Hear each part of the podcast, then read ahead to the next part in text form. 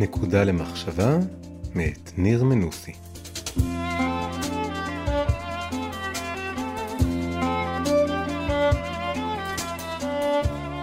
פרשת ויגש, מי מכוון את התנועה? הכל צפוי והרשות נתונה.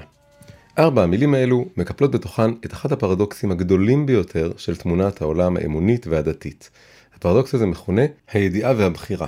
המילים האלה, הידיעה והבחירה, גורמות לזה להישמע מין נושא פילוסופי וקר כזה, מופשט, אבל למעשה השאלות שהנושא הזה מציף הן לא רק מהותיות, אלא גם תהומיות, הן נוגעות בלב של החיים שלנו.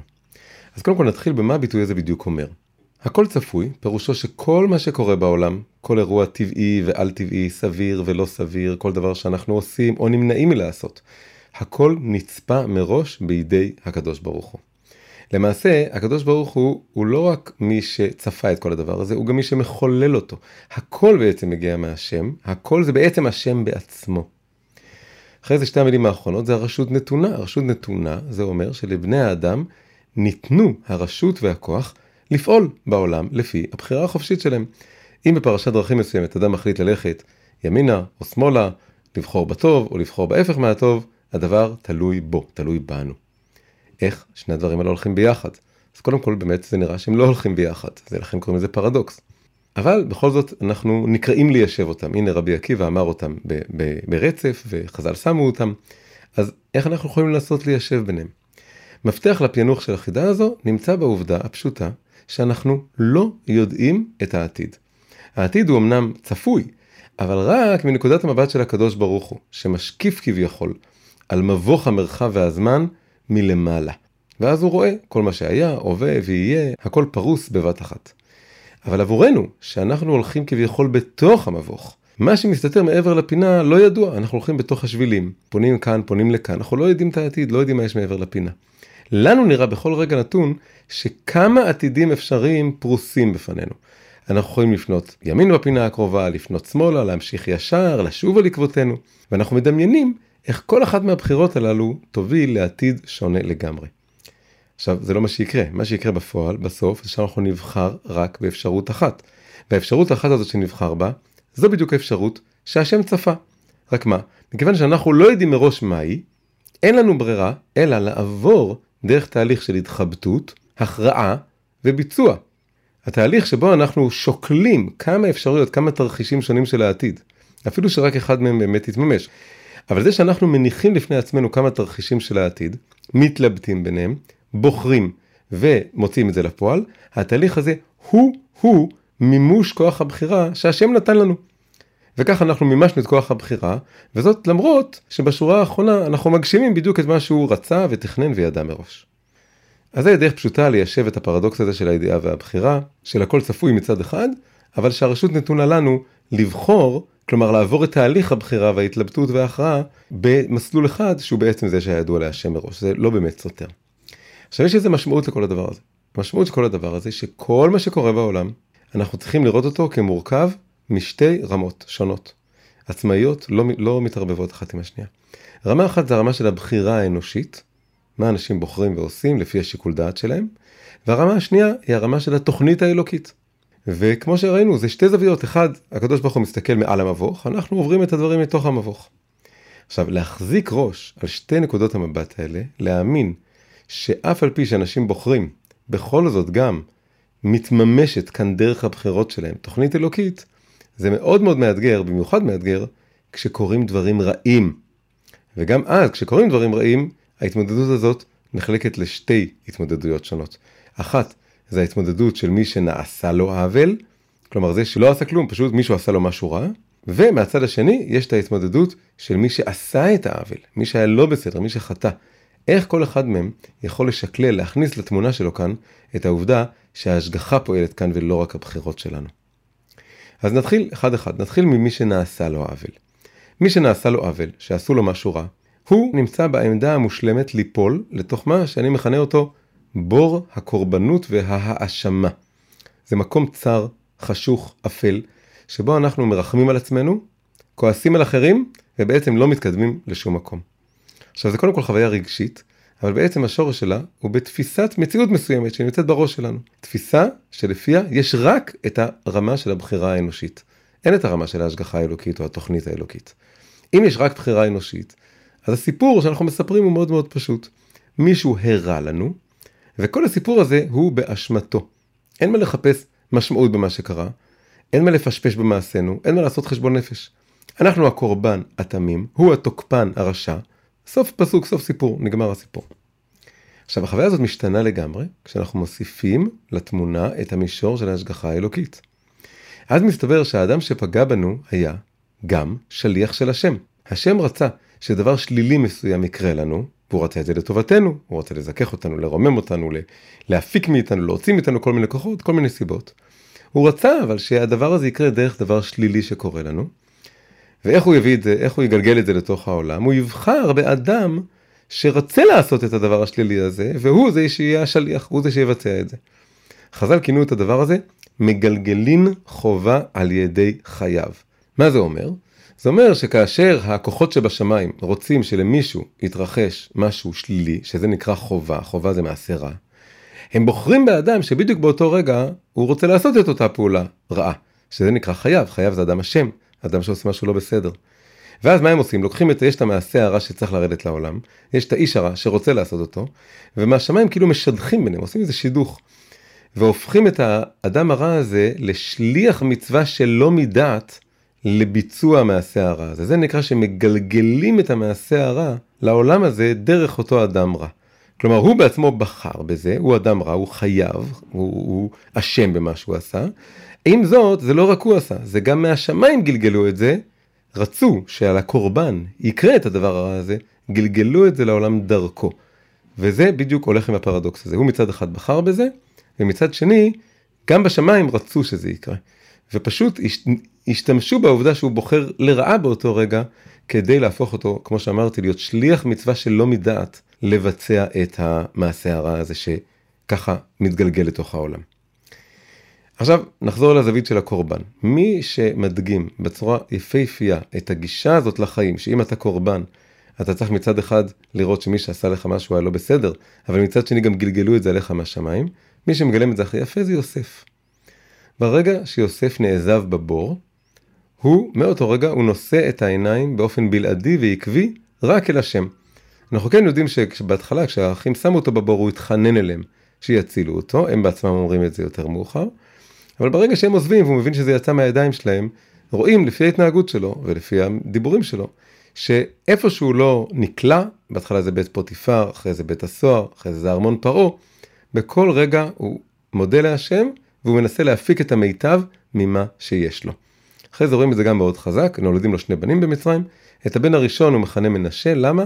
על שם שנשני אלוקים, כלומר נישל אותי, את כל עמלי ואת כל בית אבי, הוא לקח ממני את כל מה שהיה לי, אבל הוא לא מאשים את זה שהאחים עשו את הדברים האלה, הוא אומר אלוקים עשה לי את הדברים האלה. אחרי זה נולד לו הבן השני, הוא קורא לו אפרים, למה? על שם שהפרני אלוקים בארץ עוני. אפילו זה, הוא לא מייחס את זה לפרעה או לאיזה גורל נסתר, הוא אומר זה הכל הכל הכל השם עושה, גם את הטוב וגם את הרע. מנשה, אפרים, הרע, הטוב, הכל הכל הכל זה השם עשה לי. עכשיו, השיא של הגישה הזאת, של ההתנהלות הזאת, מגיע כשהוא מתעמת עם האחים שלו. אחרי שיוסף חושף בפניהם את הזהות שלו, אז הוא שב ומדגיש, שוב ושוב ושוב, שלא הם אלו ששלחו אותו למצרים, מבחינתו, מתוך העיניים המאמינות שלו, אלא בעצם השם. ברור שהם שלחו אותו למצרים, אבל הוא אומר, לא, לא, לא, זה לא באמת אתם, אתם רק שליחים. מי באמת שלח אותי השם? אז קודם כל הוא אומר, למחיה שלחני אלוקים לפניכם.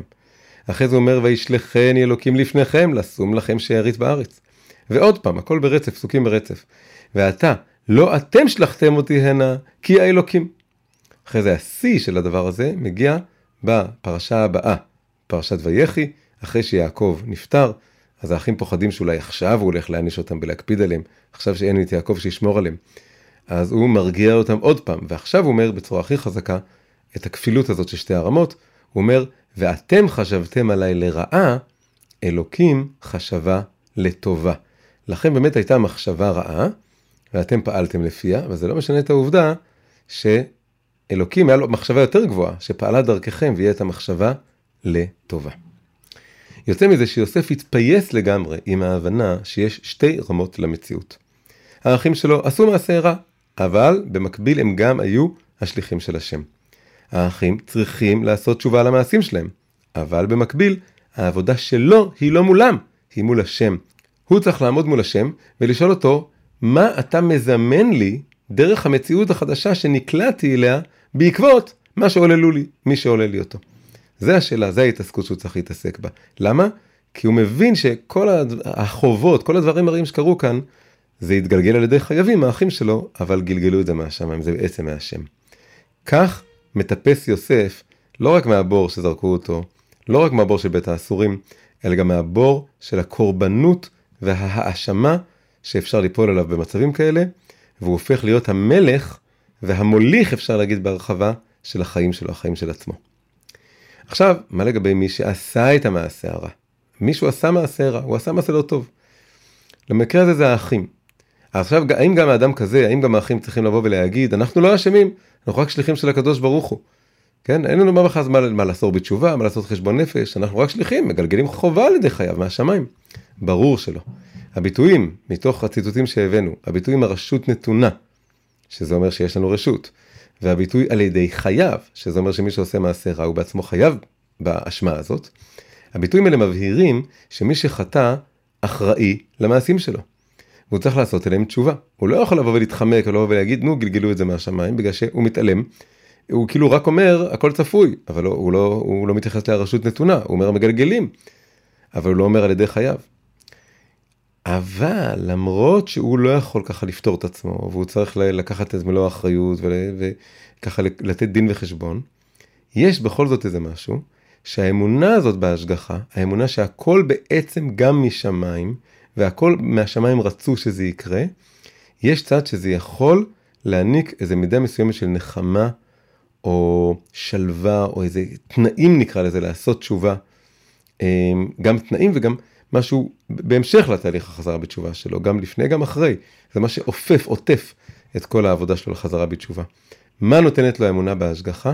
זה מציל אותו מזן שלילי וקטלני של רגשות אשם. יש כל מיני סוגים של רגשות אשם. יש כאלה שהם רגשות אשם בונים, אולי צריך לקרוא להם נקיפות מצפון, שבאים באמת אה, להוביל אותי לתיקון עצמי. אבל יש זן אחר שזה לא המטרה שלו, המטרה שלו היא רק לדכא אותנו ובעצם להרוג אותנו בעודנו בחיים. הוא רק בא להגיד לנו שאנחנו רשאים ולהפיל אותנו, וזה לא אה, כוח מניע, זה לא דלק לתשובה, לתיקון. זה רק דלק בעצם לשנוא את עצמנו ולהשתמט עוד פעם מאחריות, בעצם להוסיף חטא על פשע. אז צריך להבין כזה דבר, גם לחוטא יש תקנה. והחלק מהתקנה הזאת טמון בהבנה שגרוע ככל שהחטא שלו היה, גם החטא הזה, באופן לא מובן, לא מוסבר, אבל שצריך להאמין בו, הוא חלק מהתוכנית האלוקית. כלומר, אף על פי שעשיתי משהו רע, ואני חייב עכשיו לעשות עליו תשובה ותיקון ולקחת אחריות, ואולי להיענש, לא יודע מה, הכל תלוי במעשה. עם זאת, יש איזה משהו פה שאני לא השטן בהתגלמותו, ואני לא זה שמחריב את העולם. אני, הקדוש ברוך הוא, מסיבה שאני לא מבין, בחר אותי להביא את הדבר הרע הזה לעולם. ורואים את זה גם מאוד יפה באיך שיוסף מדבר עם האחים שלו. הוא אומר להם, ועתה אל תעצבו, ואל ייחר בעיניכם, כי מכרתם אותי הנה. ואז משם הוא הולך לפסוק שהבאנו מקודם, אלא מה? למחיה שלחני אלוקים לפניכם. אבל לפני זה אומר להם, אל תעצבו ואל ייחר בעיניכם, כי מכרתם אותי הנה. הוא אומר להם את זה אחרי שהוא כבר ראה שהם עברו הרבה הרבה זיכוך. הם היו בבית סוהר שלושה ימים, שמעון היה בית סוהר עוד יותר זמן, הם הלכו לארץ ישראל, חזרו. יהודה גילה את הערבות שהוא לקח על בנימין, הרבה דברים הם עברו. הוא בעצם אומר להם ככה, אומר להם, אתם באמת חטאתם. אתם באמת חטאתם, אתם חשבתם לרעה, אתם עשיתם משהו לא בסדר. אבל עכשיו אני מאמין לכם שעשיתם תשובה. ועכשיו אני רוצה להגיד לכם, תמחו את הדמעות שלכם. הכל לטובה, כולל החטאים שלכם. אפילו החטאים שהם עשיתם, אתם לא אמורים להבין את זה בדיוק, אבל זה יצא לטובה. אתם צריכים באמת לעשות תשובה.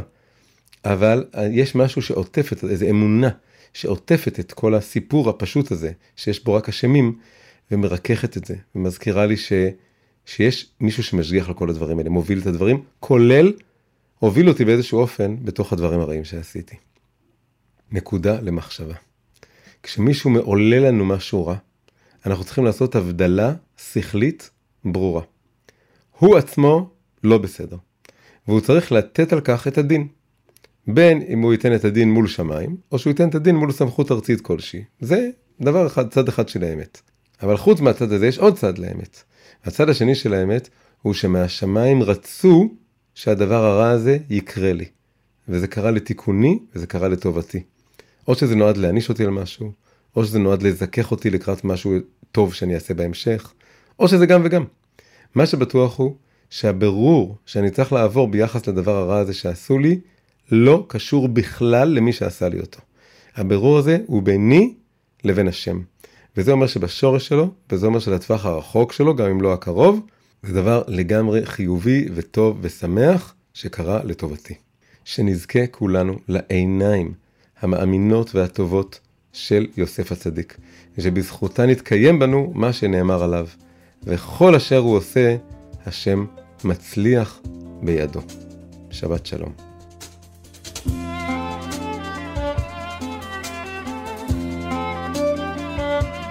שלום, אם נהניתם מהפרק הזה, אשמח אם תעשו לו לייק וכן מנוי לערוץ.